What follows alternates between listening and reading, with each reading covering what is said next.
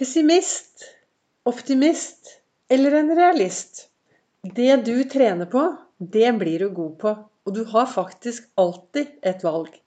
Velkommen til eh, dagens episode av Begeistringspodden. Det er Vibeke Ols. Jeg driver Ols Begeistring. Jeg er en farverik foredragsholder, mentaltrener, kaller meg begeistringstrener og brenner for at flere skal tørre å være stjerne i eget liv.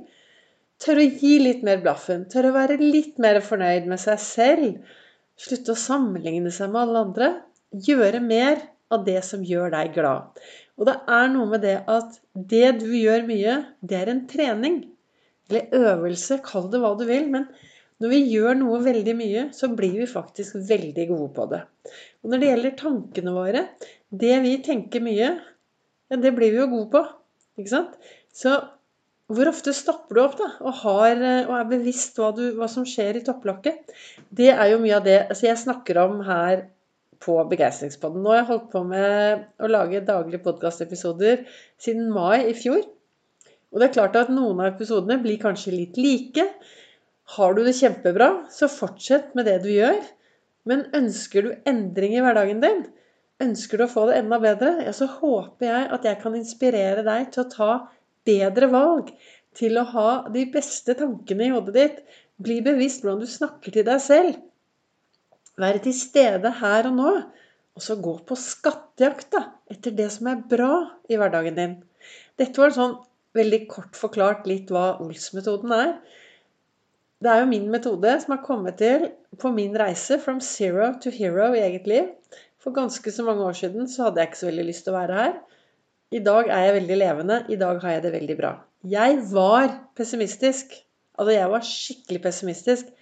Alt var gærent. Jeg sutret, jeg klaget, og folk var ganske drittlei hele meg. Så startet jeg på min reise, og så forsto jeg plutselig at wow, det var kun ett menneske som kunne hjelpe meg, og det var jo meg selv. Det var når jeg begynte å forstå at det var meg og mine valg som var med og påvirket min hverdag. Ja, da skjedde det mye. Og det resulterte i at jeg nå står her, eller sitter nå, da, som en begeistringstrener og holder fargerike foredrag. Energifulle foredrag. Jeg har fått høre at Vibeke, det er ikke foredrag, det er en standup i begeistring og motivasjon og, og, mestring, sier folk. Neste foredrag er 10. oktober her på Nordstrandshuset.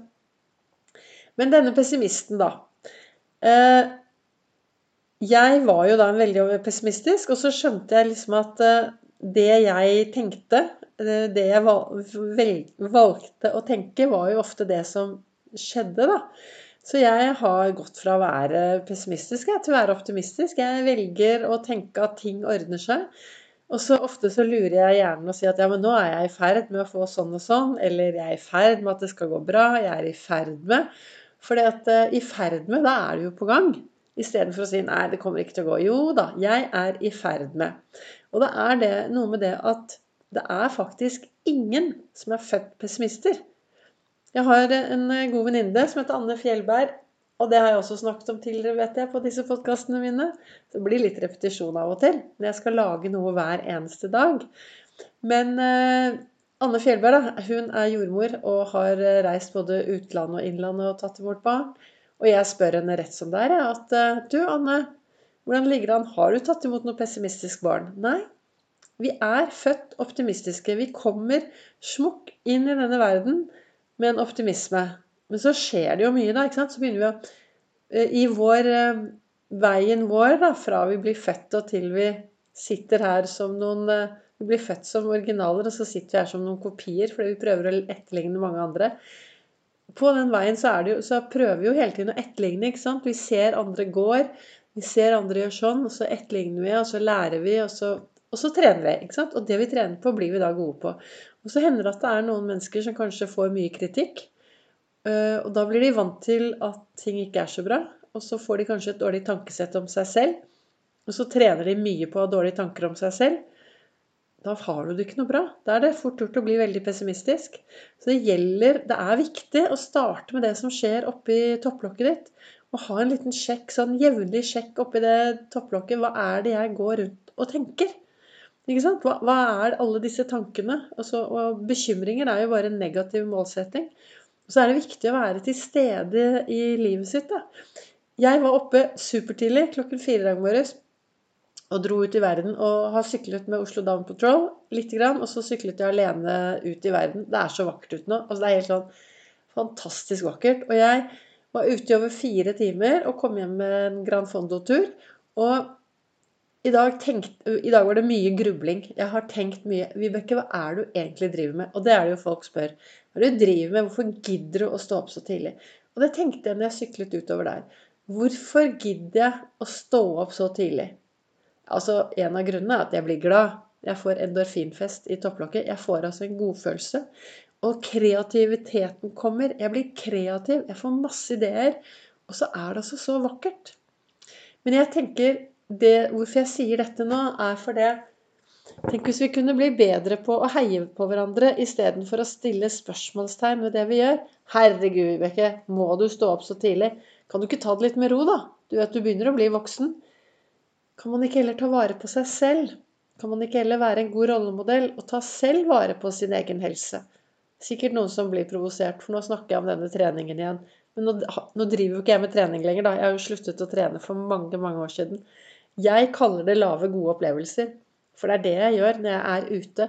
Og jeg har et favorittsted som heter Kroer kirke. Når du står på Kroer kirke og ser utover, så ser du verdens nydeligste vei. Du kan gå inn på Facebook på siden min, så ser du et innlegg jeg har lagt ut i dag. Den veien, når jeg står der, da får jeg en sånn vanvittig mestringsfølelse. Og jeg startet jo turen i dag med å sykle med Oslo Dam et lite stykke til Kolbotn, og så syklet jeg videre ut. Og hvorfor gjør jeg det? Altså det å komme ned til han derre dildonissen nederst i Ekebergskrenten, hvor det står 100 syklister, og folk hilser, og man er blide.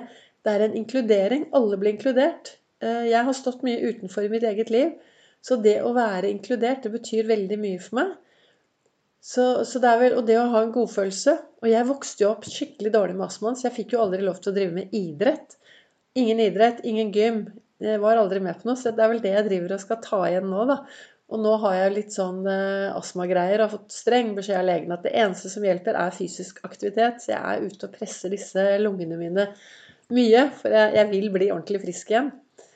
Men eh, hva er det jeg egentlig skulle prate om her i dag? Jeg sitter jo her og bare skravler for å inspirere deg da, til å tørre å være stjerne i eget liv. Hva har det med trening å gjøre? Hva har det med pessimisme og optimisme? Jo, jeg tenker jo det at eh, Altså, min helse er mitt ansvar, og jeg blir glad når jeg beveger meg. Og jeg har aldri hørt om noen jeg, som eh, går ut i verden og enten går en tur eller løper en tur eller hopper eller spretter og kommer hjem sur. Og jeg skulle ønske, når jeg, når jeg var skikkelig psykisk syk, for det er veldig mange år siden Da skulle jeg ønske at de Jeg har jo vært hos psykologer og psykiatere og hele pakken. Det var aldri noen som sa 'gå deg en tur'. Det var aldri noen som foreslo fysisk aktivitet. Men det hjelper jo. Det er derfor jeg prater så mye om det. Det hjelper så mye for helsen vår. Og denne ekspedisjonen resten av livet, den starter akkurat nå.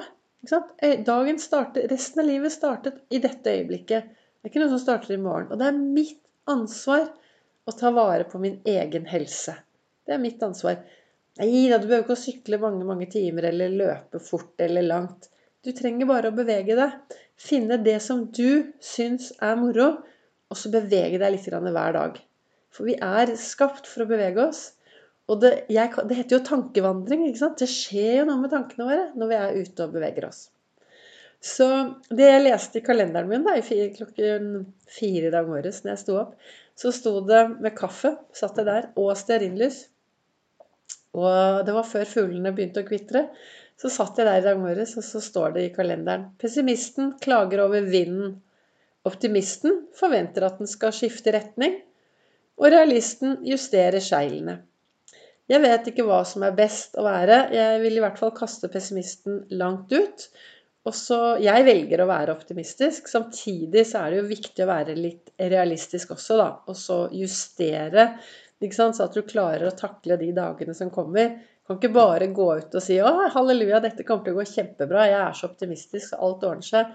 Litt realistisk må vi være, sånn at vi trener på det vi ønsker å få mer av i hverdagen vår. At vi trener på de gode tankene, trener på å ha det bra, og trener på å få Eller trene på å ha en god helse, da. Psykisk og fysisk helse er super, superviktig. Mentaltrening, det sitter mellom ørene. Ha fokus på den derre indre dialogen din. Vær bevisst hva du sier til deg selv til enhver tid. Du, tusen takk for at du lytter til Begeistringsboden. Takk til dere som deler. Takk til dere som sprer den videre. Så kommer det en ny episode i morgen.